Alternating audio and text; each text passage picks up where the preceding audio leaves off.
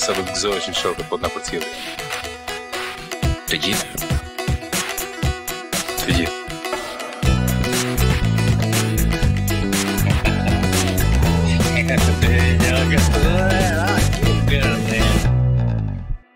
Përshëndetje Doriana, mirë se erdhe në Shokët bëjnë muhabet.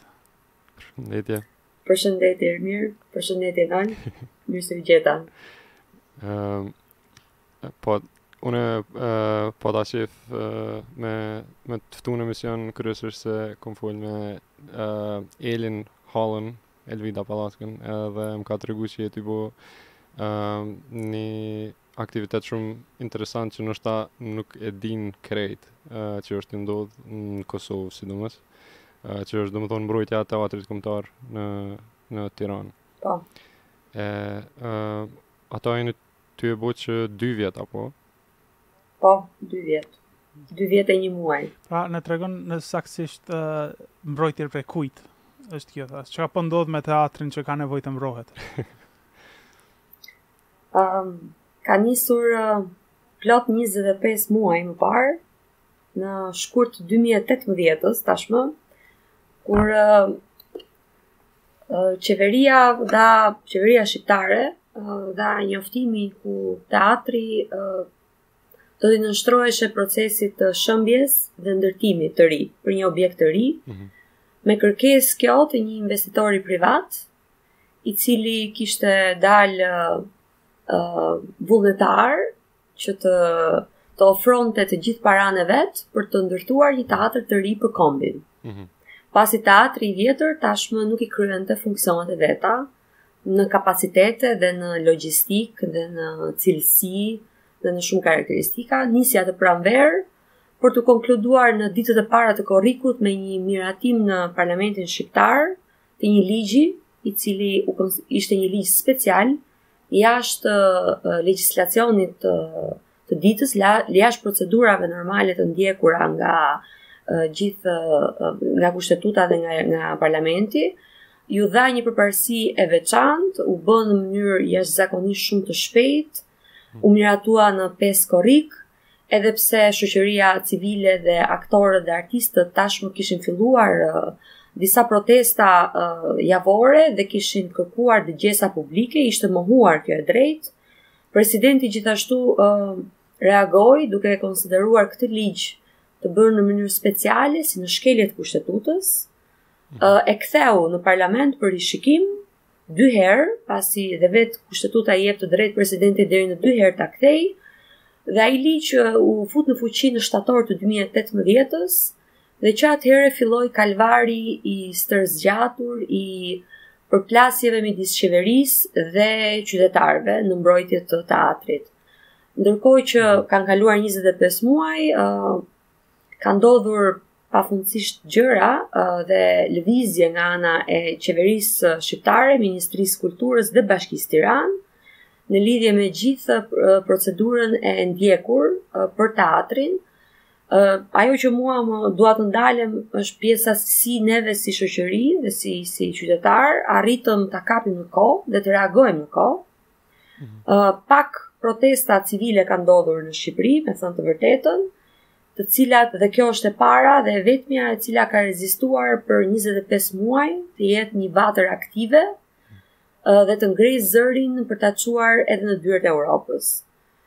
Nisi me një protestë me një mikrofon në sheshin e teatrit kombëtar, si një protestë një, një herë në javë, për t'u bërë pastaj një protestë çdo ditë, ku u hap një zë, një mikrofon i lirë për qytetin dhe mblidhte për një vit e gjys njerëz çdo ditë në një orar të caktuar pasditeve, ku të gjithë vinin dhe flisnin. Aty mblodhi jo vetëm çështjen e teatrit, ajo u bë si një qendër zëri për qytetin, ku të gjithë kishin mundësi të vinin dhe të rrëfenin të tregonin një problematikë përtej teatrit. Teatri u kthye nga një qendër kulturore, tashmë në qendër qyteti.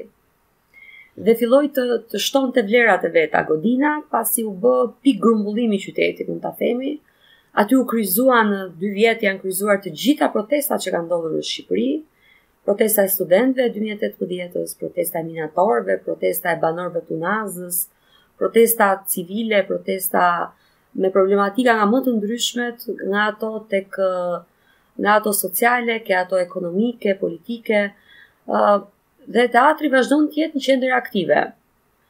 E vazhdoi këtë nismë qytetarët shumë të angazhuar me 10-ra qindra, numrin e saktë mos më pyet sepse nuk e di, asnjëherë nuk kemi numëruar. Aty konstant ka njerëz që janë me 10-ra, por bashkëpunëtorët kanë qenë si brenda dhe jashtë kufijve, si në Kosovë dhe Maqedoni dhe në gjithë Europën deri në Amerikë, shqiptarët kanë ndihmuar jashtëzakonisht shumë janë treguar shumë solidarë në mbështetje të kësaj kauze, e cila në vetvete ka qenë dhe një proces shumë i gjatë, dokumentacioni teknik, dokumentacioni politik, ka prodhuar shumë gjuhë politike, ka prodhuar dokument, siç e thashë, dokumenta teknikë nga pikëpamje arkitektonike, gjithashtu komunikimi publik ka qenë shumë intensiv, gjithë kauza përmblidhet në një faqe Facebooku dhe që aty është bërë gjithë lançimi dhe gjithë zëri i protestës online ka qenë kjo faqe.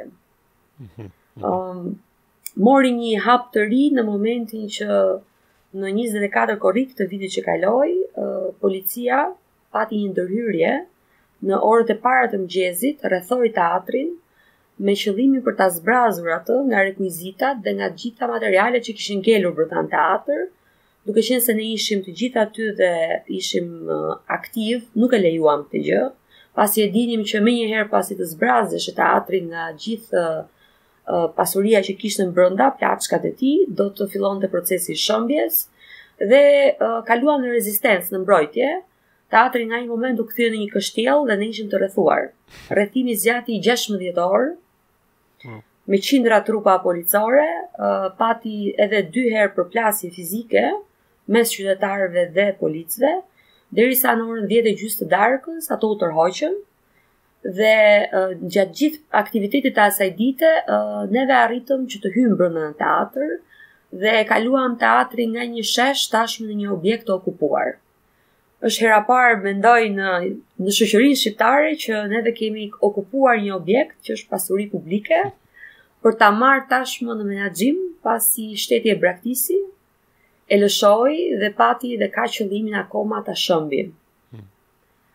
Uh, nga ai moment uh, për ta mbrojtur uh, ai objekt uh, duheshe rivitalizuar, duheshe rijetëzuar dhe sigurisht e vetmja gjë që mund të bëheshe ishte t'i ktheheshe jeta artistike. Po. Edhe pse aty jemi qytetarë që shumë pak kanë lidhje me artin, pak artistë fatkeqësisht janë bashkuar. Ne jemi profesorë, pedagogë, arkitektë, sociologë, filozofë, domethënë njerëz intelektualë të fushave dhe backgroundeve shumë të ndryshme, askush nga ne më parë nuk ishte marrë me teatrin, hmm. askush nuk dinte se si organizoheshe një shfaqje, por di të them që deri më sot ne kemi organizuar 64 shfaqje, wow. dhe kemi ndërtuar atë që e kemi quajtur festivali për mbrojtjen e teatrit, dhe janë bashkuar atij festivali me dhjetra trupa, Ndër të parët fare kanë qenë sigurisht shqiptarët e Kosovës, që ju ju po, po, eh? ju përgjigjën menjëherë, po, ju përgjigjën menjëherë thirrjes tonë. Ëm um, kanë qenë shqiptarët e Gjermanisë, ë, uh, domethënë shqiptarët e botës së artit edhe përtej kufirit erdhën, u solidarizuan, vunë në skenë shfaqjet e tyre. ë uh, Gjithë festivali organizohet pa para, pasi ne nuk kemi fonde, ne nuk kemi organizatë, ne jemi thjesht një grupim qytetar dhe të gjitha kontributet që njerëzit japin kur vijnë shofin shfaqjet, arrijmë të paguajmë naftën e gjeneratorit pasi qeveria na ka ndërprerë dritat tashmë për një vit e gjysmë. Jemi pa energji elektrike dhe pa ujë në kushte lufte. dhe është e pabesueshme ndonjëherë dhe vetë nuk e besojmë si ka mundësi që ia kemi dalur. Sigurisht që ka qenë falë mbështetjes siç e thashë të, të shumë shumë shumë shumë njerëzve. Numri nuk arrijmë dot ta gjejmë se sa ka qenë numri i bashkëpunëtorëve dhe i solidarëve dhe i shqiptarëve që kanë kontribuar sado pak Secili nga ata, secili shqiptar ka vënë një copë të puzzle-it të vet në atë që quhet kauza e teatrit kombëtar. Pasi bëhet fjalë për teatrin e kombit. Po, po, po, po. uh, unë mund të flas pafundësisht për këtë gjë. Do ishte ndoshta, ndoshta ju mund të keni një pyetje më specifike, unë mund të ndalem diku. Po, unë unë e shoh këtë punën e shembjes së teatrit jo vetëm si një rast i izoluar, po si një pjesë ë e një, në një kontekst pak më të madh ku më shumë e më shumë bëhet privatizimi i pronës që ka qenë njëherë e qytetarëve. Po, në fakt, ky është problemi dhe alarmi i ditës. U bë disa vite që Shqipëria, por di që dhe Kosova ka të njëjtin problem, ku pronat publike janë vënë në shënjestrën e oligarkëve, quajmë ne, dhe ata të cilët kanë para, dhe synojnë ta transformojnë dhe të investojnë në prona publike dhe sigurisht kjo kryhet në bashkëpunim me qeverinë. Fatkeqësisht kryhet në bashkëpunim me parlamentin shqiptar në këtë rast, ku lejohen dhe miratohen ligje të cilat shkelin kushtetutën dhe arrijnë të çojnë pronën publike në rrezikun e humbjes së identitetit të saj, vlerës ekonomike, vlerës historike dhe në këtë rast dhe vlerës së trashëgimisë kombëtare. E gjithë kauza në fakt është aty, këtu kemi të bëjmë me një grabitje të pronës publike, pasi skema ishte e tillë, teatri do t'i merreshe 5 mbi 5000 metra katror truall. Dhe të mos harrojmë është toka më e shtrenjtë e llogaritur jo vetëm në Shqipëri, por ndoshta në gjithë rajonin shqipfolës. në Ballkanin Perëndimor. Ajo është konsideruar që vlen deri në 5500 euro për metër katror. Është qendra historike e kryeqytetit të parë shqiptar dhe ka një vlerë të jashtëzakonshme.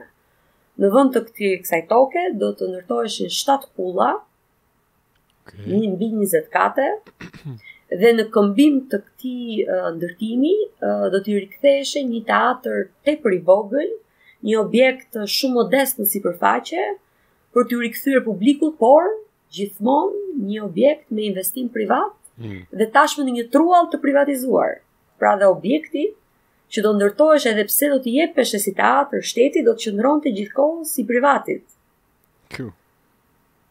Domethënë skenari dhe skema janë uh, partneriteti publik privat, o PPP-t, që sigurisht është në gjithë Europën po shtrihen, nuk është vetëm problem i izoluar shqiptar, por mënyra se si janë dhe po aplikohen në Shqipëri pa transparencë, në shkelje të kushtetutës, pa uh, pa marrë fare parasysh dhe konsideratë publikun.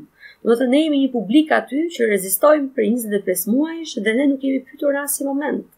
Nuk ka ardhë kurrkush askush të na marri mendim, nuk dëgjohemi, përkundrazi jemi sulmuar, anatemuar, sharë, vendosur metafora, epitete, janë krijuar trillime, historira, domethënë, ça s'kemi dëgjuar për veten, por që e gjitha e gjitha shkon për të fshehur këtë mega aferë, këtë këtë vjedhje të madhe që po i bëhet pronës publike, jo vetëm te teatri, por kemi rastin e stadiumit kombëtar që pësoi të njëjtin fat. Mm -hmm.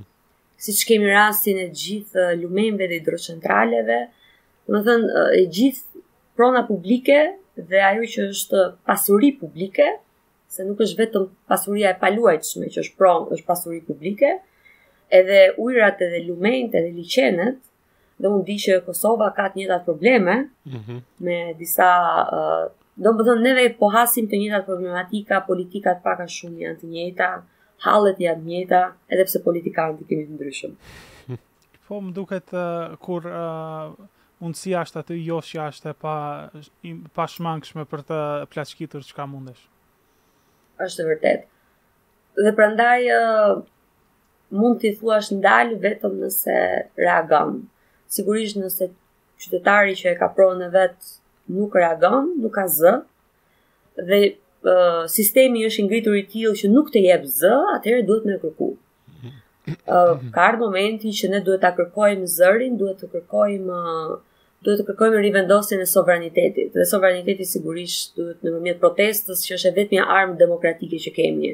Mm. Në fund të fundit është e drejta jonë të dalim të protestojmë dhe të themi jo për diçka që mendojmë që nuk është e duhur për neve, për qytetin, për vendin. Mm. Po, po. Dhe mendojmë që jemi në të gjithë të drejtën tonë. Kushtetuta na jep të drejtë ta bëjmë këtë gjë. Mm -hmm. Sa kohë kushtetuta është e sovranit, sovrani jemi ne, atëherë ne jemi në rrugën e duhur dhe sigurisht që vetëm duke qëndruar ama.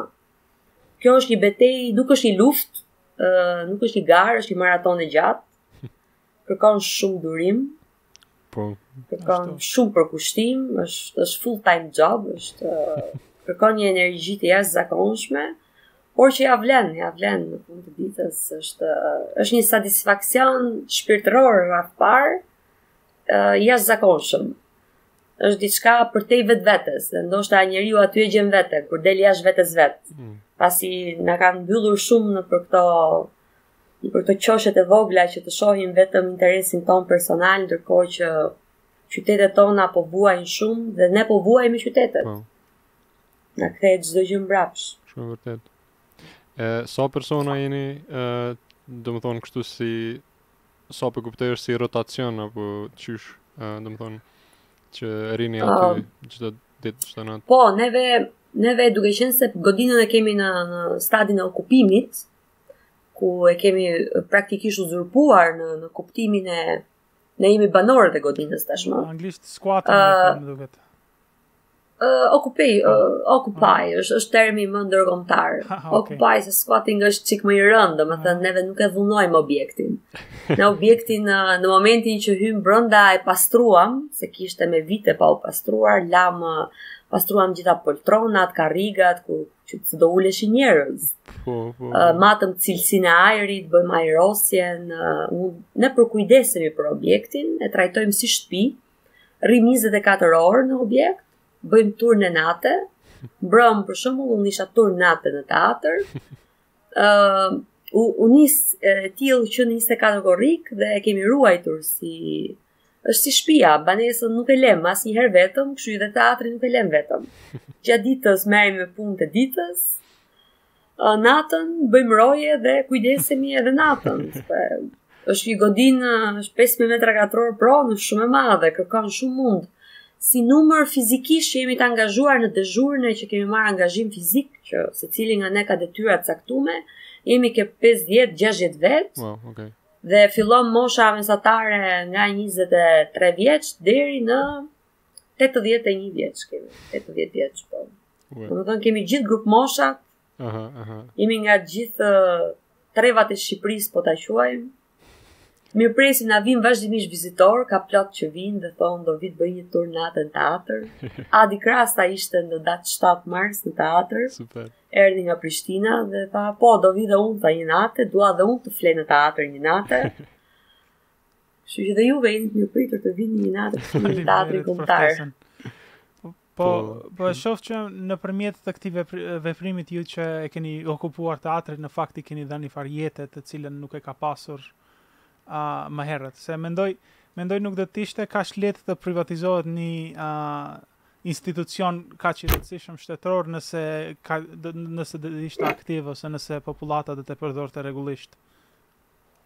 Po në fakt unë jam hasur me këtë e kam konstatuar këtë problem kur fillova të të rri në protestën e teatrit e kam dëgjuar Jeton Neziraj ishte para vit në 2000 në fund të vitit 2019 ishte në një shfaqje erdhi në teatër për festivalin te Armiku i popullit dhe përkatësisht tha këtë gjë, neve si shqiptarë të Kosovës nuk kemi gjetë asnjëherë hapësirë në kalendarin e teatrit kombëtar. Dhe jo sepse ka qenë i ngjeshur, jo sepse ka pas shumë aktivitete, por thjesht sepse s'ka pas fare jetë artistike. Fatkeqësisht, dhe këtë e them me shumë dhimbje, teatri kombëtar, uh, unë e kam ndjekur si spektatore, ka pas një jetë shumë të varfër, artistike, fondet nga buxheti i shtetit kanë qenë shumë të vogla, nuk është investuar fare përkundrazi kulturës sa vjen dhe i janë ulur parat hmm. që nga buxheti i kalohen çdo vit. Po. nuk është rikonstruktuar prej dekadash, nuk investohet as në objekt, objekti është lënë në gjendje skandaloze, nuk është as pastruar, nuk investohet tek artistët, numri i aktorëve sa ka ardhur dhe është ulur, shumë e gjejnë veten nëpër show televiziv, nëpër Portokalli, janë larguar nga teatri sepse nuk e gjejnë më teatrin si shpinë e artit. Mm.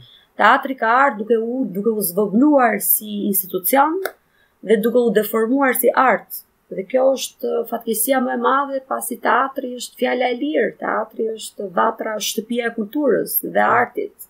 Mm. Dhe teatri duhet shpëtuar sepse në konsideratën time si arkitekt, teatri është qyteti. Teatri nuk bie kurrë, se po ra teatri bie qyteti. Po më duket teatri më shumë si simbol i një a mundimi për ta rikthyer artin ose kulturën e lartë në qytet sesa Vetëm thjesht një godinë ose një uh, vlerë uh, arkitekturale.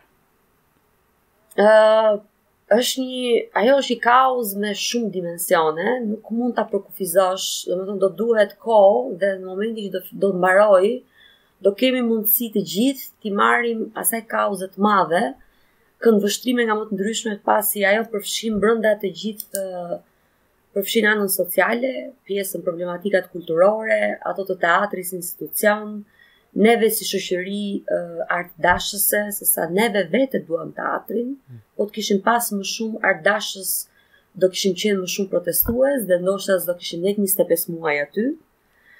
Por uh, si godinë uh, shumë interesant pasi është goditur nga propaganda e politikës dhe e qeverisë që nuk ka asnjë vlerë, prandaj do ta shembim. Hm. Për këtë uh, sigurisht që ne morëm masa që kjo gjë të, të shkonte tek autoritetet uh, të cilave ne i besojmë, pasi institucionet shqiptare totalisht të kapura dhe të të kapura në, në mashtrime dhe gënjeshtra, në mungesë të transparencës, nuk kanë na kanë treguar asnjë dokument. Ne nuk kemi asnjë raport dhe nuk kemi asnjë vlerësim. Kush e bëri këtë vlerësim? Mm. Kush tha që nuk ka vlera? Po. Për mua si arkitekt ka vlera. Atëherë ne bëmë një aplikim në 1 gusht 2019 në Europa Nostra. Okay. E cila është organizata mbarë europiane, e, e financuar nga Banka për Zhvillimin Europian dhe Creative Europe, është rrjeti i 40 organizatave të tjera europiane, ku ajo çdo 2 vjet hap një thirje dhe ka një program uh, Seven Most Endangered Sites in Europe. Shtatë sajtet më të rrezikume në Europë. Ne aplikuam teatrin kombëtar në 10 dhjetor 2019, arritëm të kualifikohemi në 14-ën e objekteve më të rrezikuara në Europë. Hm.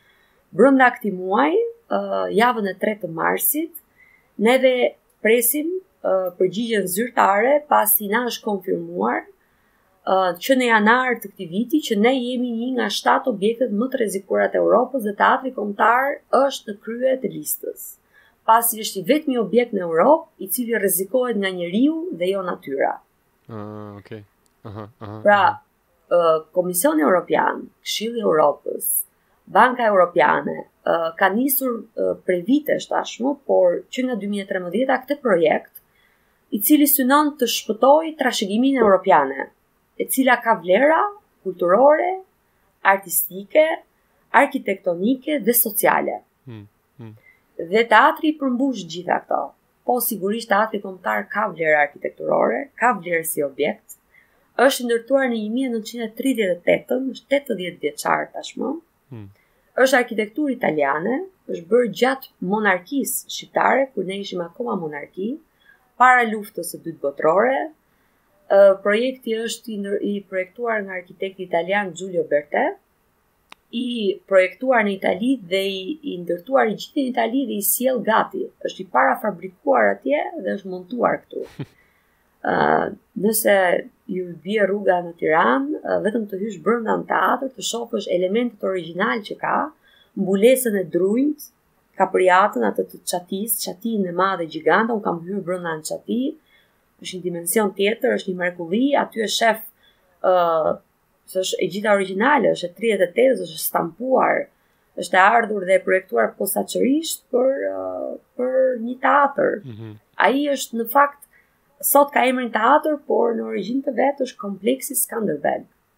Dhe është kompleks kulturor që ka në brendësi të vet një sallë teatri me 600 vende, që është ajo që është salla e teatrit kombëtar, sallë kinemaje, uh, restorante, biblioteka, pishinë, kemi pishinën e parë në territorin shqiptar të ndërtuar dhe është akoma aty.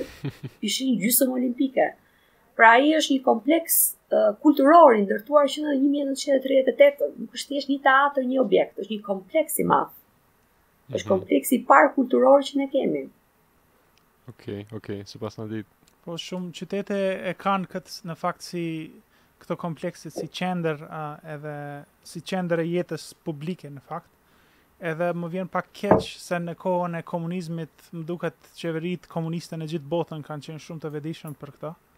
E këtu mbas po. liberalizimit, mbas demokracisë le të themi, nuk nuk ka asnjë farë fryme për të krijuar kështu ndërtesa të reja ose a le të themi bërthama ose si si si yll mund ta marrish ku planetet rreth rreth asaj, domethënë qytetarët orbitojnë në në në këtë kompleks. E fatkeqësisht jeta, domethënë ar, arkitektura ose dizajni i i qyteteve sot është shumë i shpërndarë edhe nuk ka nuk ka mundësi një person uh, të kyçet kështu në mënyrë uh, natyrore, po duhet vetë të gjejë ose vetë të organizohet. Këtu në Prishtinë është kompleksi Termokiss, pikërisht ngjashëm ngjarjen e ka me mm. këtë teatrin kombëtar, është se ka qenë një magazinë e vjetër e a e ter, ter, Termokosit, po. pra a, ngrohjes a, komunale.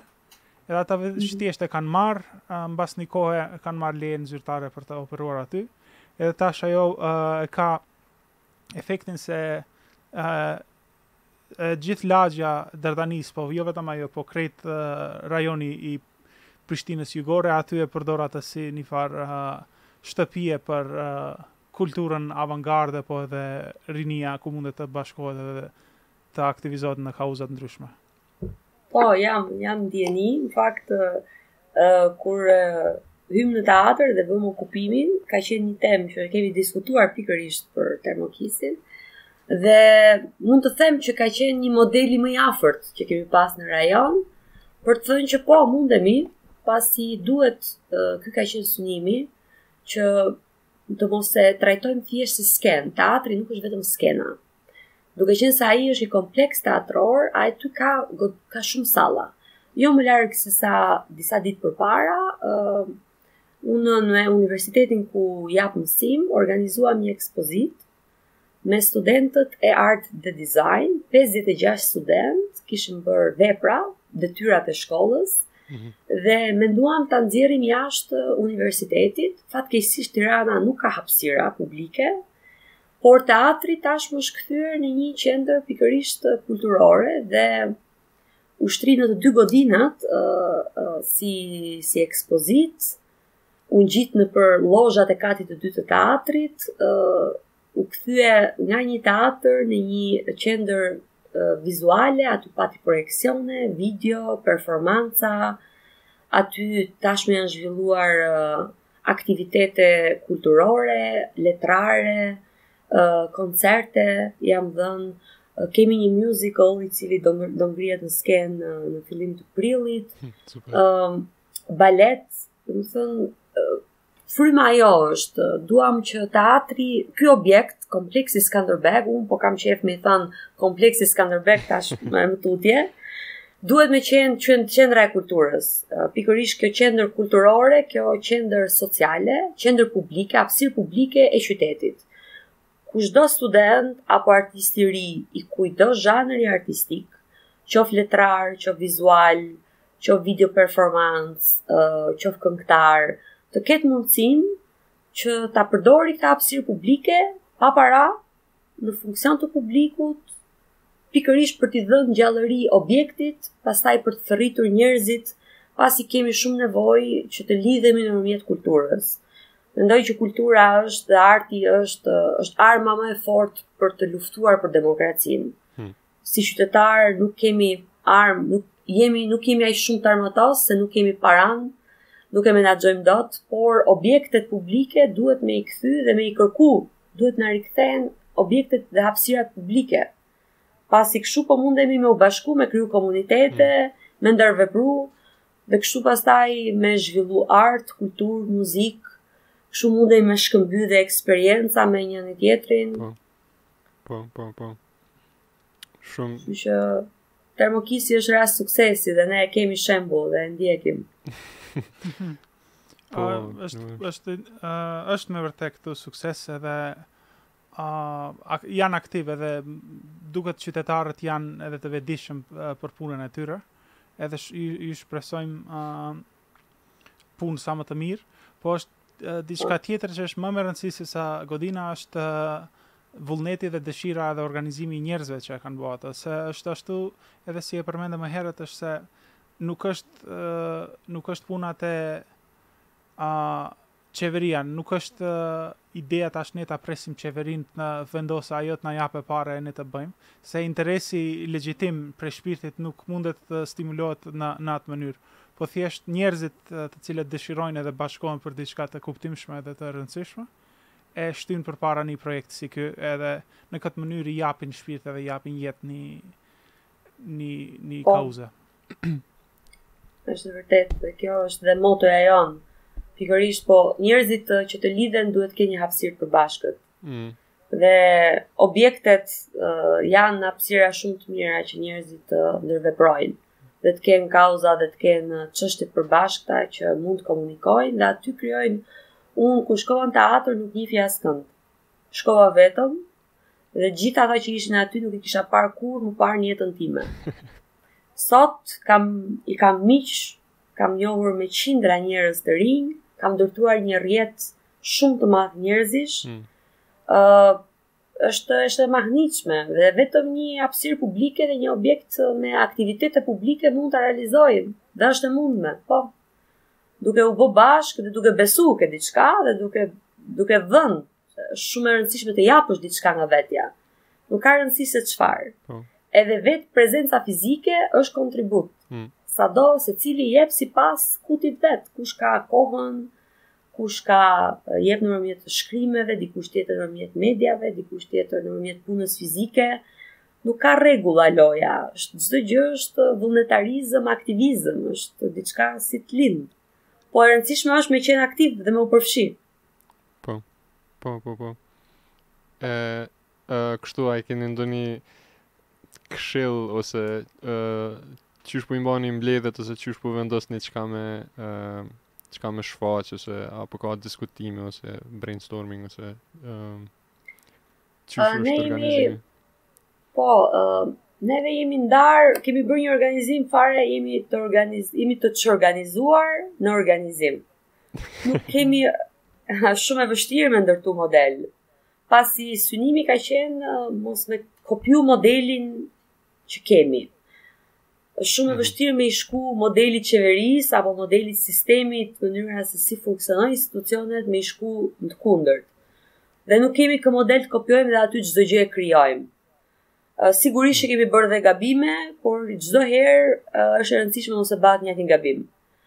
Neve organizohemi, po. kemi ngrit grupe pune ku uh, artistët dhe aktorët që janë më kanë ndërtuar për shembull rrjetin grupin e festivalit për mbrojtjen e teatrit dhe kryesisht ato uh, kanë përdor rrjetin e vet të njohjeve duke komunikuar me artistë shqiptarë dhe të huaj në gjithë Europën duke i bërë ftesa. Ato merren me organizimin e festivalit, nga pikpamja logjistike, merren me akomodimin kur vijnë artistët, ku do rrin, pasi ne mundohemi t'i ndihmojmë dhe për hotelin ku do qëndrojnë, sa ditë do qëndrojnë. Kur është? Kur do jenë provat? Më fal. Festivali është aktivitet është aktivitet që është pa ndërprerje, neve fatkeqësisht duke qenë se vetëm dje uh, u shpallën rastet e para me koronavirus në Shqipëri ne e ndërpremë. Mm. Sepse mm -hmm. doli udhëzimi i qeverisë ku aktivitetet publike duhet të ndërpriten deri për 2 javë. Okay. Derisa të stabilizohet situata, por është është pa ndërprerje, është pa afat. Ku çdo, ku çdo artist pavarësisht zhanrit, nëse ka pikturë apo ka skulpturë, nëse ka është teatër apo është komedi, nëse ka balet apo ka koncert, këngëtar, ku çdo trupë është i mirëpritur të bëhet pjesë e festivalit. Festivali prandaj edhe ka emrin është festivali në mbrojtje të teatrit. Çdo lloj aktiviteti artistik është i mirëpritur, hyn në kontakt me grupin e festivalit, Nëpërmjet shifen datat, pasi ka pas dhe kalendar të ngjeshur, sidomos 2020 na ka gjetur me shumë aktivitete dhe kemi pas gati çdo ditë aktivitet, ka qenë shumë e ngjeshur uh, 2020-a. Oh, okay. Pastaj ka një grup tjetër që merret me gjithë komunikimin publik, me deklaratat, komunikatat me median, komunikimin mediatik, komunikimin me ambasadat, ne dhe njëkohësisht kemi nisur një fushatë, ta quajmë sensibilizimi dhe vënie në dijeni të gjithë ambasadorëve të Europës në Shqipëri. Kemi kërkuar takim, shumë prej tyre na kanë pritur, disa prej tyre na kanë mbështetur publikisht. Mm.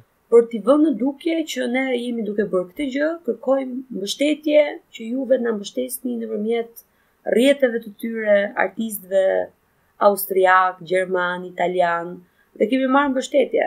Mhm, mhm. Sa më shumë network të krijojmë, më shumë më shumë japim vlerë asaj që po bëjmë dhe më shumë njerëz mbledhim rreth teatrit.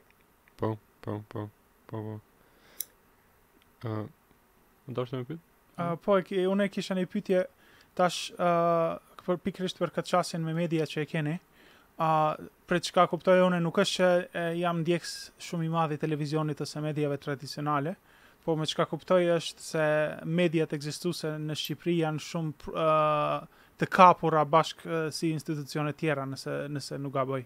Po, duke marr po. duke marr parasysh këtë, a, a keni ndonjë farë simpatie në mediat tradicionale dhe nëse jo, a a është interneti një farë mjeti juaj për të promovuar mesazhin tuaj pa pasur bllokim ose censurë? Mund të them që interneti është i vetmi që na ka ndihmuar. Fatkeqësisht media tradicionale po është e vërtetë, është ne jemi komplet të censuruar, nuk transmetohet asgjë nga televizionet publike, që janë televizionet publike shqiptare, nuk kemi marrë mbulim mediatik përveç ndoshta momentit të përplasjes me policinë, atëherë kur piku i klikimeve ka qenë shumë i lartë dhe e kanë bërë vetëm për shumë pak. Televizione lokale dhe të vogla po, na kanë mbështetur dhe janë prezente. Ëh, uh, Por media online, sigurisht interneti është arma më e fuqishme që kemi ne si publik dhe atë e kemi shfrytzu dhe po shfrytëzojmë. Vetëm nëmjet internetit ne kemi arrit ta çojmë lajmin dhe njoftimin e teatrit në çdo cep të, të globit, jo më të Shqipërisë. Por që dhe ai ka kufizimet e veta për faktin që të paktën në Shqipëri jo të gjithë janë të fokusum tek interneti si lajm, por më shumë mënyra se si i përdorin dhe uh, media sociale uh, jemi akoma duke ndërtuar kulturën e, e komunikimit publik në median sociale mendoj si shoqëri, por mhm. që po, uh, Facebooku kryesisht, aty është ajo është media jonë kryesore dhe gjithë rrjeti i i mediave po kryesisht në Facebook, që janë mediat online, ato janë uh, lajmësit tanë që shpërndajnë lajmin kudo. Por fatkeqësisht uh, televizionet tradicionale dhe gjithë nuk uh, nuk po punon në në funksion publikut tanimë. Jo vetëm aq më tepër ajo që është deri diku qesharake në rastin tonë është që të gjithë televizionet publike shqiptare nuk transmetojnë më lajmin e vet, por çdo lajm që vjen nga qeveria shkon me kaseta, me CD. Nga pasi kryeministri ka vënë një kanal online që e quan ERTV, nga emri i vet Edi Rama Televizion dhe i vetmi sinjal po, është për qeshë dhe për qarë njëkohësisht. I vetmi, është i vetmi sinjal zyrtar. Asnjë media nuk është më e pranishme në mbledhje qeverie, në asnjë takim publik nuk ka media as me kamera, as ato që janë besnike të kryeministrit dhe të qeverisë. Të gjithë rrinë nëpër uh, televizione dhe i shkon uh, thjesht uh, i shkon kopja e videos uh, nga ose lidhen direkt në Facebookun e tij. I vetmi sinjal po të shikoni, kërkoni Edi Rama në Google dhe do ju dalë watermark videoja me me sloganin ERTV. Nuk ka asnjë video pa sloganin e atij. Wow, okay. Çdo gjë është e censuruar, e kontrolluar, sigurisht që ai e bëri duke thënë që media është kazan dhe zëri i të vërtetës jam vetëm unë, kështu që unë nuk do lejoj më median, do ta jap vetë fjalën dhe e bëri. Mm. Ka 7 vjet që e bën, kështu që do vazhdojë ta bëjë sa kohë është në qeveri. Wow, okay. Uh, paska inspirim Enverin kështu goxha. fatkeqësisht po, fatkeqësisht jemi i kemi rrënjët akoma uh, ne i kemi akoma këmbët, unë mendoj, kjo është thjesht impresioni im që i kemi akoma këmbët në komunizëm ose në enverizëm dhe kokën në demokraci dhe kemi ngecur aty nuk po mundemi me u shkëput akoma prej shumë simptomave të rënda të asaj smunje që pllakosi vendin për gjysëm shekulli që ishte enverizmi. Dhe mm. pasojat e atij sistemi jemi duke i vuajtur sot, kjo lloj, kemi një lloj apatie, ndryshe nga shqiptarët e Kosovës që janë ma të sensibël, ma aktiv, më të solidar, ne e shofim dhe kur vijnë aty, janë, janë më ndryshe, uh, fatkeqësisht shqiptarët këtu brënda kufirit tonë janë më, më menefrego, thot italiani, më indiferent. Mm, mm, mm. Nuk duan shumë me u ashtu, uh, sepse janë dhunuar psikologjikisht, kërcënuar me vende pune, ka njerëz që kanë frikë të vijnë te teatri sepse pushohen nga puna. Dhe janë pushuar njerëz nga puna sepse kanë bërë share një postim të të teatrit. Apo ka njerëz që un kam miqtë e mi që kontrollohen mos me i bë like postimit tim. Pasi nëse i bëjnë dhe më shkruajnë privat që nuk e bëj dot like sepse më heqin nga puna. Ato që janë në punë shteti rrezikojnë të të, të shkarkohen nga detyra kur qoftë edhe në Facebook ndjekin një kauzë publike. Është një gjendje sa qesharake dhe e frikshme njëkohësisht, pasi kjo hmm. ka bërë që shoqëria këtu të jetë shumë e ngurtë dhe të mbyllet dhe lufta jonë kjo është në fund të ditës, që neve duhet ta thyejmë frikën, është frika. Është frika, hmm. unë hmm. kam qenë vetë në fillimet e mia kisha frikë me fol n'mikrofon, Ishte një lloj frike që nuk e dija nga më vinte, por që tani e kuptoj që ishte thjesht një frikë e instaluar e e, e rritur dhe e, e asimiluar nga nga prindërit, nga shoqëria, nga nga vet hapësira që kujdes se do të ndodhi kjo, do të ndodhi kjo, asgjë s'të ndodh. Në fakt nuk të ndodh asgjë sepse kur je, kur bëhesh bashkë, dhe bëhesh grup dhe je në të drejtën tënde, nuk ka Nuk ka gabim, kështu që s'kam çfarë me bo. Ne jemi në drejtën tonë. po përveç asaj duhet të jesh e vetëdijshme për pasojat e e, e veprës tonde. Më duket kjo është një send që njerëzit e, e ka dy te. Pra vetëm mendojmë po. për pasoja negative, çka do ndodhë nëse unë e bëj këtë send. Po e kundërta çka ndodh nëse unë e e bëj të kundërtën? Çka nëse unë e sfidoj shefin tim, nëse e bëj like postin edhe më qesin prej pune. Në fakt, unë do të humbi punën, po unë do të do të pasuroj shpirtin e kombit, do të të rezistoj ndaj shtypjes ë të të këtij llojit. Pra, pra është një prej atyre rasteve ku duhet të mendosh thellë, a A a të vazhdoj me këtë regjim, a ta uli kokën poshtë ose do të sakrifikoj diçka për më të mirën e, e gjithëve?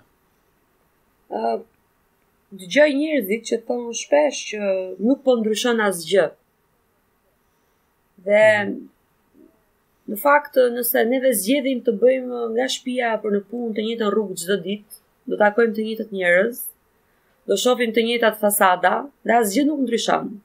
Duhet me ndryshu rrugë, me u kthy, me marrë një kthesë diku, me kuptu që ka njerëz tjerë, qyteti ka ngjyra tjera. Duhet me guxu, me shkel edhe me një territor që nuk e njohim. Në qofë se tentojmë të ecim me hapa të sigurta, sigurisht që nuk do arrim asgjë në jetë. Mm -hmm. Fatkeqësisht dhe fatmirësisht ne ne si komb jemi na na kanë vënë para sfidave, por po mos kishim guxu, s'do e kishim arrit as lirinë, as demokracinë, As pavarësinë. Është është është një thënie që thotë uh, nëse bën uh, çka ka bërë çdo kush tjetër, do të marrësh atë që e kanë marrë çdo kush tjetër. Sigurisht po. Në fakt ashtu është.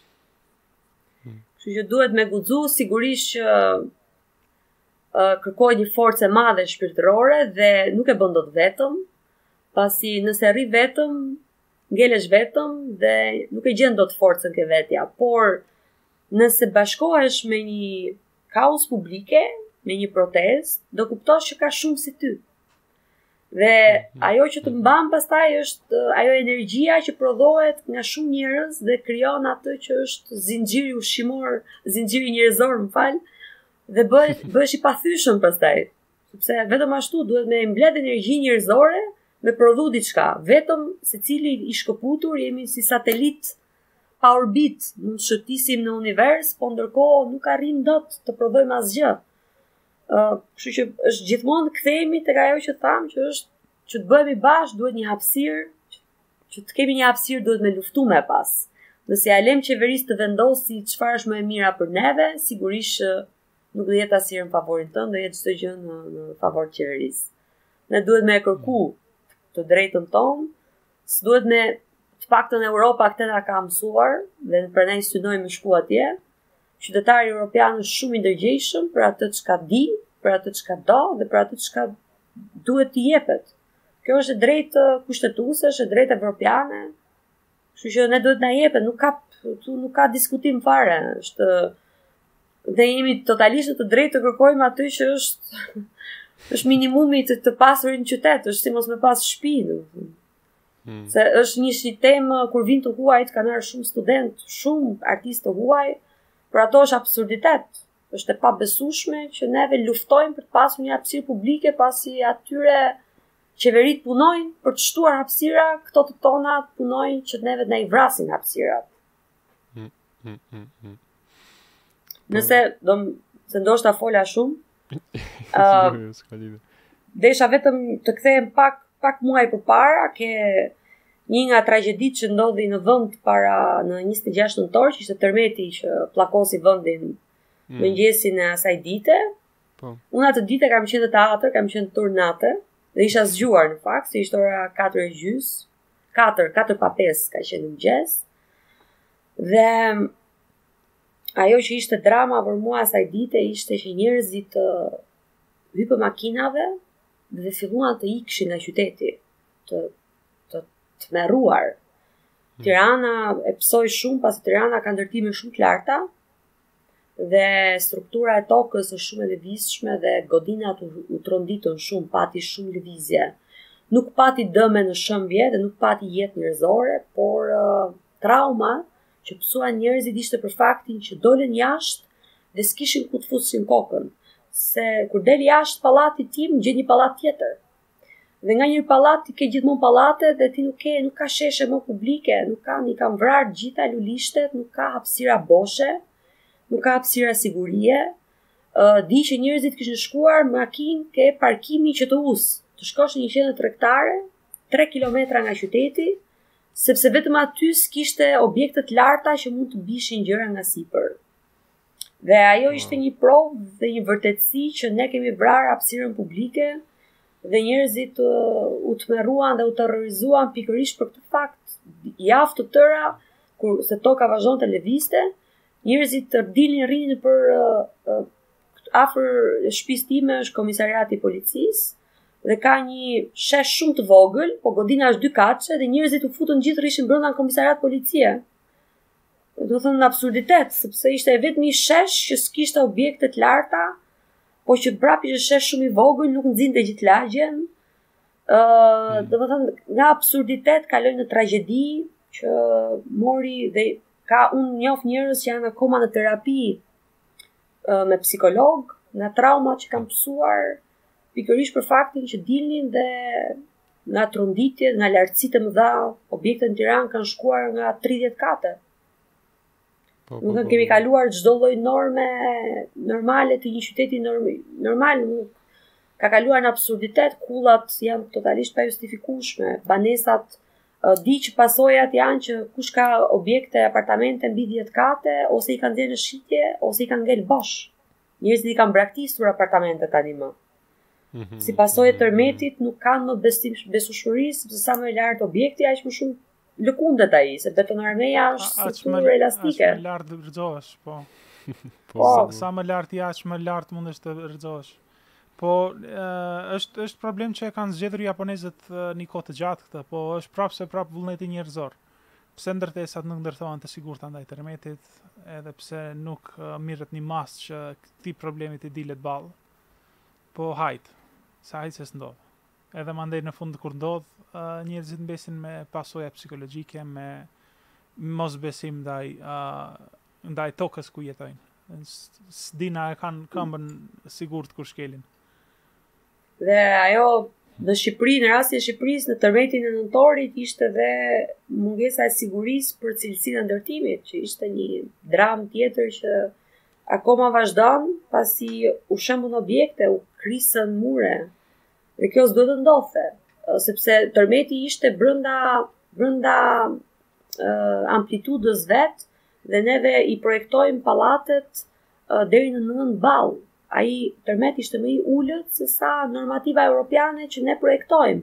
Fakti që mhm. pallatet u dëmtuan tregon që cilësia në ndërtim është e ulur dhe tregon që nuk ka kontroll në fund fundit, ëh. Pasi po ja le sigurisht investitorit privat, ai do të tentojë të fitojë sa më shumë, prandaj dhe kemi institucione publike që të kontrollojnë, që të garantojnë sigurinë. Kemi humbur sigurinë e mhm. banesës, kjo është tragjedia më e madhe. Njerëzit ndjehen të pasigurt nëpër shpiat e veta. Katastrofë për një me. Uh, e natën, ditën e tërmetit, domethënë, uh, teatri është njëni prej vendeve ku ata u ndishin të sigurt, apo? Ishte e habitshme se si për nja 10 minuta filluan të mblidhen njerëzit aty, sigurisht të parët ishin ato që janë banorët e teatrit, por uh, di të të them që natën e dytë ne patëm njerëz që kërkuan të flinin aty. Okay, uh, që erdhën me fmi aty pasi ishin terrorizuar fmit shumë dhe duke qenë se teatri uh, pasi nga qeveria uh, ju e nuk e dini por ishte thënë ishte dhënë me garanci 99.99% që në tërmetin e parë që do ndodhte teatri do shëmbej. që në fillim kur filloi të shkatruar, po? Po. Dhe teatri kaloi një tërmet në 2018-ën, që ishte më i vogël. Mm -hmm. Kur mhm. kaloi këtë tërmet, pastaj u bë qesharake, propaganda e tyre u rrëzua. Mm -hmm. Dhe njerëzit e kuptuan që ai ishte sepse është zhvet lloj është tipologjia e objektit e tillë që lëkundet, por nuk nuk e gjen asgjë nga tërmetet. Është ashtu e ka projektuar italiani se e ka projektuar për hapësirë publike, sigurisht që Po. Nuk po, po. kemi ndërtime pa pa kriter, bëhet fjalë për një objekt i cili është i, pr i prodhuar në fabrikat italiane dhe ka ardhur këtu me anije është montuar. Vetëm montimi është bërë në Shqipëri.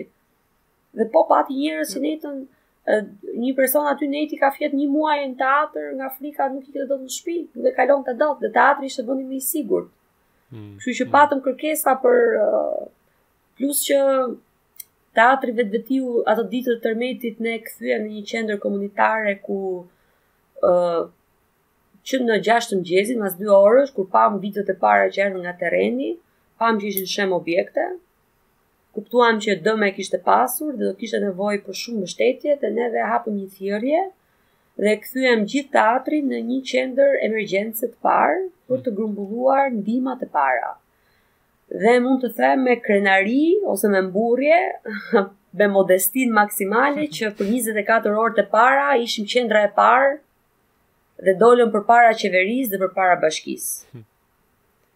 Ndihmat e para uh, janë nisur uh, nga Kosova për në teatër, Mm, mm, mm. Sikundër ushtria e Kosovës nisi makinat e para që në 10 të mëngjesit drejt Durrësit, edhe ta edhe makinat e para dhe ndihmat e para u nisën drejt teatrit nga nga Kosova dhe nga Maqedonia. Patëm ne kemi pasur pafundësisht njerëz që kanë ardhur me makina private nga Prishtina janë nisur dhe kanë ardhur në teatër. Kemi pritur rreth 15000 njerëz në harkun e një jave që vinin dhe u bë një aksion humanitar i jashtëzakonshëm. Ishte solidarizimi aty u tregua se sa mbështetje kishte teatri dhe kauza. Hmm, hmm. Sepse njerëzit erdhën vetë dhe ne unë kam fjetur një javë në teatër javën e parë, pasi duhet të ishim aty dhe natën, sepse makina që niseshin kryesisht nga Maqedonia dhe nga nga Tetova, nga Gostivari, nga Struga, Prishtina, Prizreni, Gjakova, kushedi, se tashi me qytete, se duhet të mbaj mend kanë ardhur shumë, niseshin natën dhe udhëtoheshe më kollaj natën. Aha. Derisa një moment i bllokoi qeveria në kufi dhe nuk i lejonte më të vinin në teatër, i detyronte t'i çonte në rezervat ushqimore të shtetit. Mm. Okej. Okay. Okay. Që ishte shkalla e lartë e besimit që patën shqiptarët tek një objekt që ruhet nga qytetarët dhe që shërben për qytetin dhe është në funksion të një kauze publike dhe një hapësire publike, kështu që po. Dalim prapë ke hapësira publike dhe ke ke ke shpirti i një, një qendre komunitare që i shërben vetëm publikut tani më. Mm, mm, mm, mm.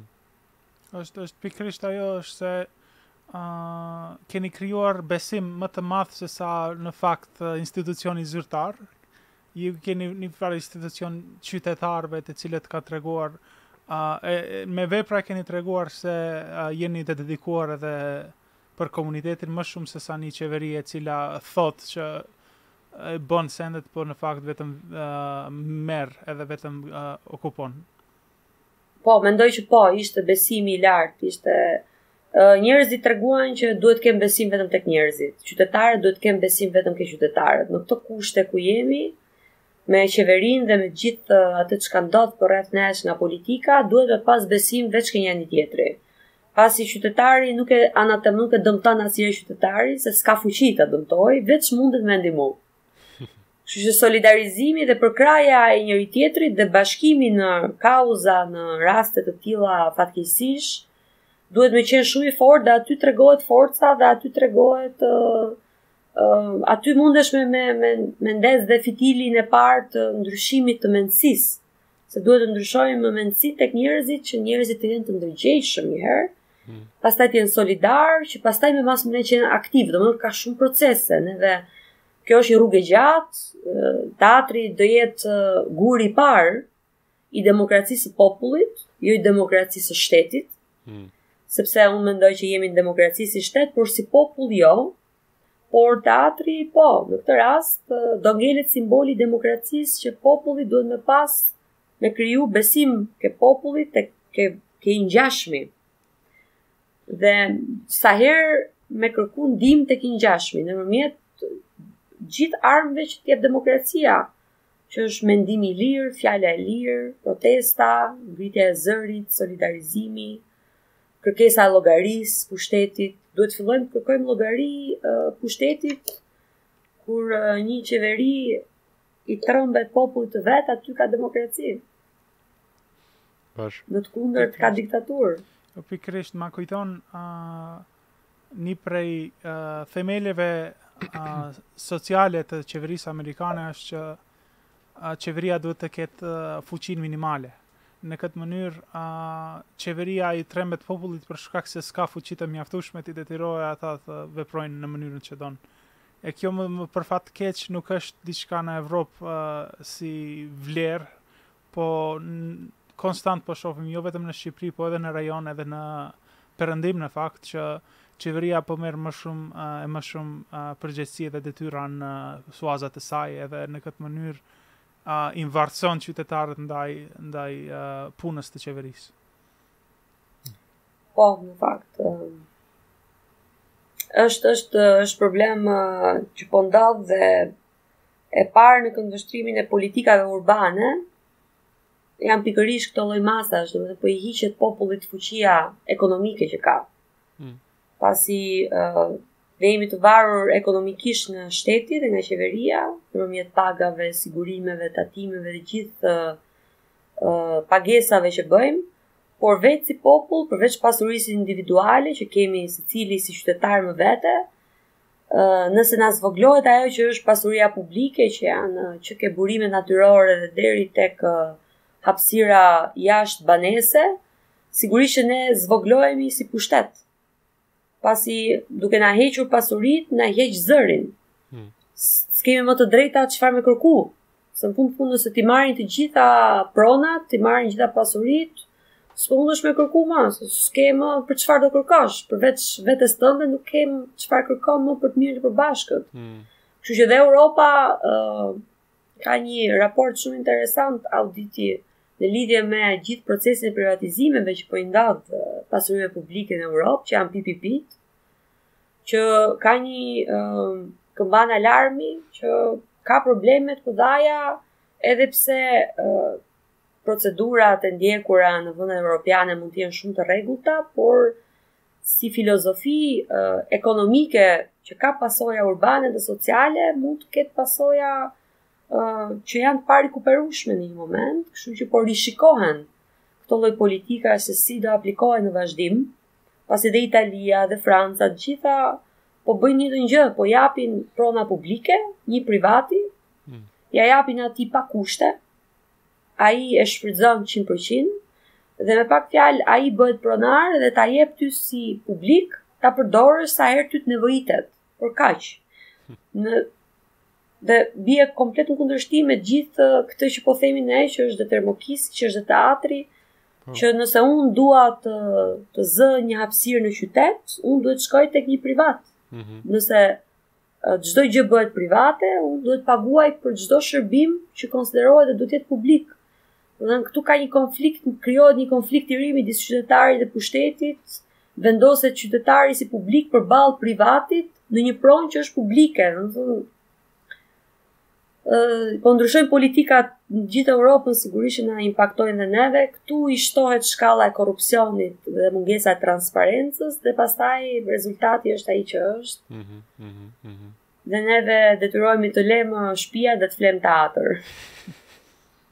Mirë, po çysh po tingllon ju edhe ia keni shtu jetën në, në një mënyrë, se domethënë tregove që ka qenë shumë pasiv edhe shumë pak shfaqje edhe aktivitete ka pas edhe tash është gati çdo ditë të ndodhë diçka? Po, në fakt, në 2019-ën, teatri kombtar, që ishim neve, ishim të dytët në numër shfaqjes, pas teatrit kombtar eksperimental që është institucion publik. Aha. Teatri kombtar si institucion u zhvendos në një kapanon, që quhet ArTurbina. Okay. Aty u krijuan dy salla që janë si salla kinemaje me kapacitet të limituar, jashtë çdo kushti teatror, unë nuk kam qenë, mhm. isha, mm. por si institucion është shpërngulur atje mm -hmm. dhe i kryen aktivitetet. Mm -hmm. Di të them nga të dhëna zyrtare që neve si aktivistë dhe ne si Aleanca për Mbrojtjen e Teatrit kemi vënë në skenë më shumë vepra sesa teatri kombëtar si institucion. Super. Për t'i treguar pikërisht që nuk e ka fajin godina, nuk e ka fajin muret, As fakti që ka apo s'ka vlera, këtu është çështje të duash dhe të dish. Thjesht një institucion qeveritar nuk mund të krijojë pasione dhe dëshirë si një grup i qytetarëve që me vërte i japin shpirtin. Po një institucion kulturor po nuk pati patjetër që duhet nëse nuk di pastaj duhet të ndryshojë modelin e qeverisjes. Ne kemi pasur shumë regjisorë që kanë ardhur kryesisht nga Austria dhe së fundmi kishim nuk më kujtohet emri nga Graca. Dhe ai tha që kishte luftuar dhe luftuar në, në kuptimin filozofik që teatri i qytetit ku ai punonte të ktheheshe në një qendër komunitare 24 orëshe. Mm. Nuk ka kuptim tha teatri të mbyllet. Nëse nuk ka shfaqje, hapësira që është jashtë kalendarit duhet të shfrytëzohet për publikun oh, dhe ia kishte arritur. Mm -hmm. Apo? Në rrugë, po, në rrugë institucionale.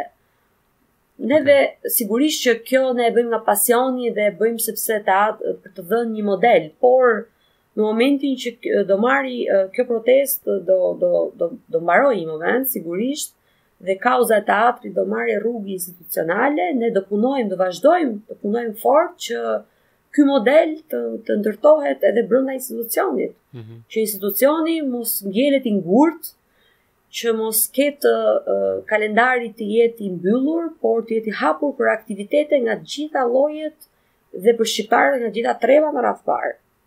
Mos kalohet teatri është bërë klientelist, di, kam dëgjuar nga aktorët që duhet të kesh mik drejtorin me vënë një shfaqje.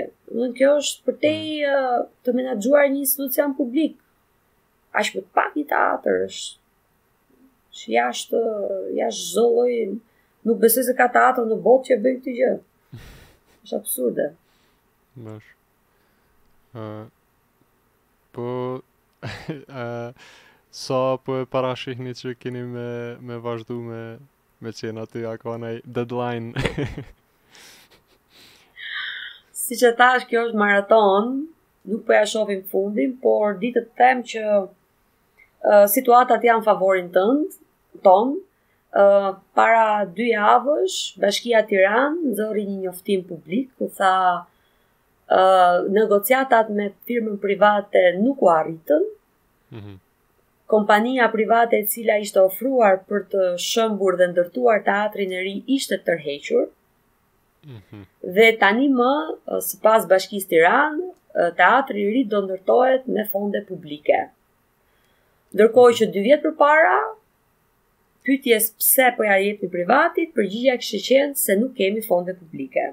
Ah. Domethënë jemi kthyer, kjo është nuk është një fitore, por di që neve jemi jemi pozicionuar në atë që ë uh, po protesta dy vjeçare dha efektet e veta, ato u tërhoqën nga pozicioni i i frontal i luftës, e kuptuan që ajo skemë nuk mund të funksiononte, panë devotshmërinë dhe vendosmërinë tonë për t'i shkuar kësaj gjëje deri në fund.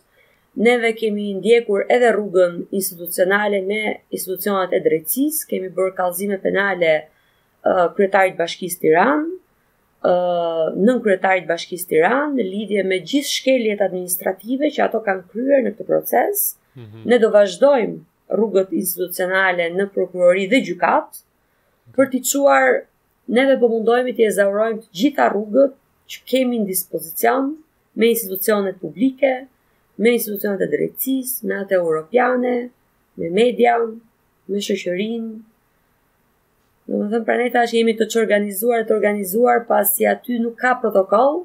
Hmm. Aty ka thjesht ide, ide që kalojnë në një stuhi idesh, neve debatojmë fort si shqiptarë që jemi edhe bërtasim.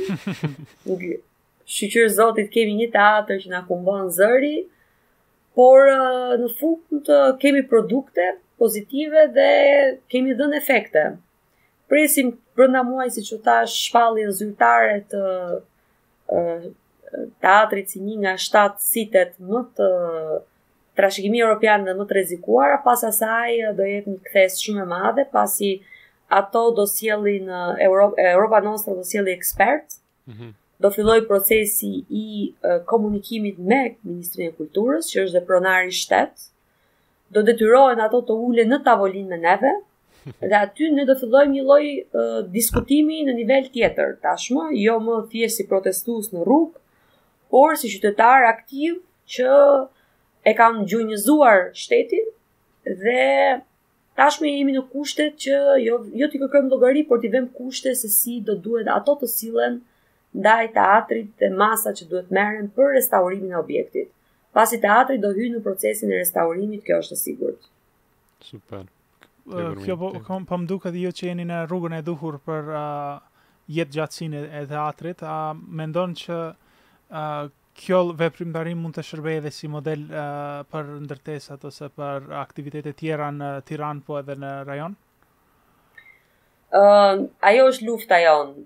Uh, teatri do ngelet dhe duhet të ngelet si si betejë si uh, guri i parë i demokracisë i fituar nga qytetarët dhe një shembull frymëzimi, model i cili do ketë nevojë për t'u përmirësuar sigurisht, pasi ky mund quhet eksperimenti i madh social që po ndodh aty.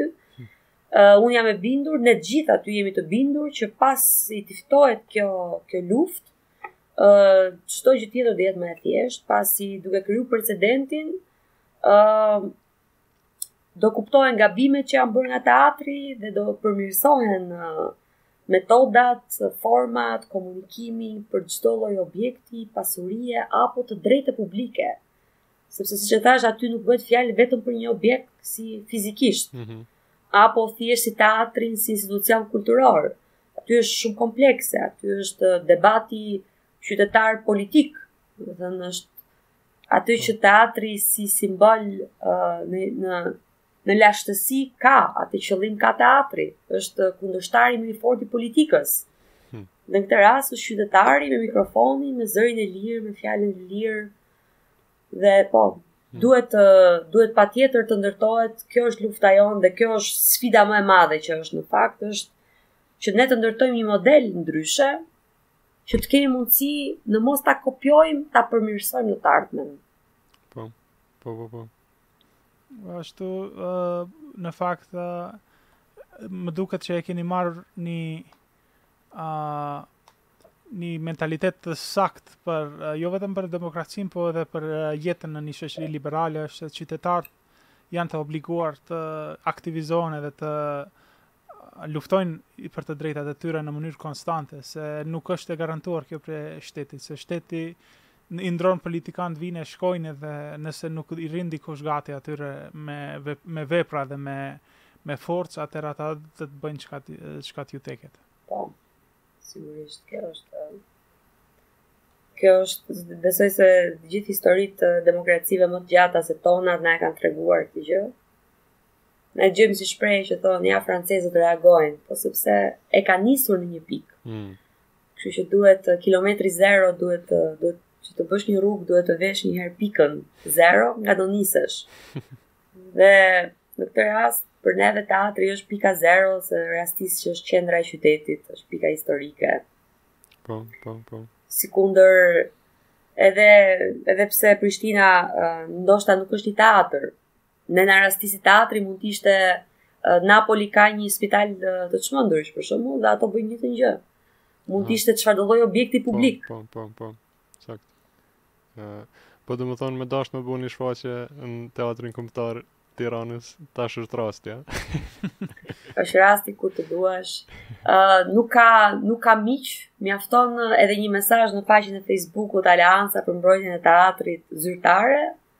Në Messenger, uh, pak ditë më parë Hersi Matmuja, shqiptare e Italisë, mm -hmm. thjesht me një komunikim në Facebook, pa njoftur asnjeri, erdhi ngriti në skenë një spektakël të jashtëzakonshëm, një koncert të një vlere për shqiptarët që jetojnë jashtë me me gjithë dashurinë për atdheun dhe gjithë folklorin shqiptar të ndërtuar në një model shumë modern në stilin e saj unikal, u gjend në Tiranë për pak ditë, kështu që po, secili shqiptar mundet, dhe mund, mund të jetë një mbrëmje letrare, një poezi, mund të jetë çfarëdo. Okay. Mjafton të jetë, po. çfarë lloj gjëje që ne i vëmë emrin art, është mirëpritur në teatër.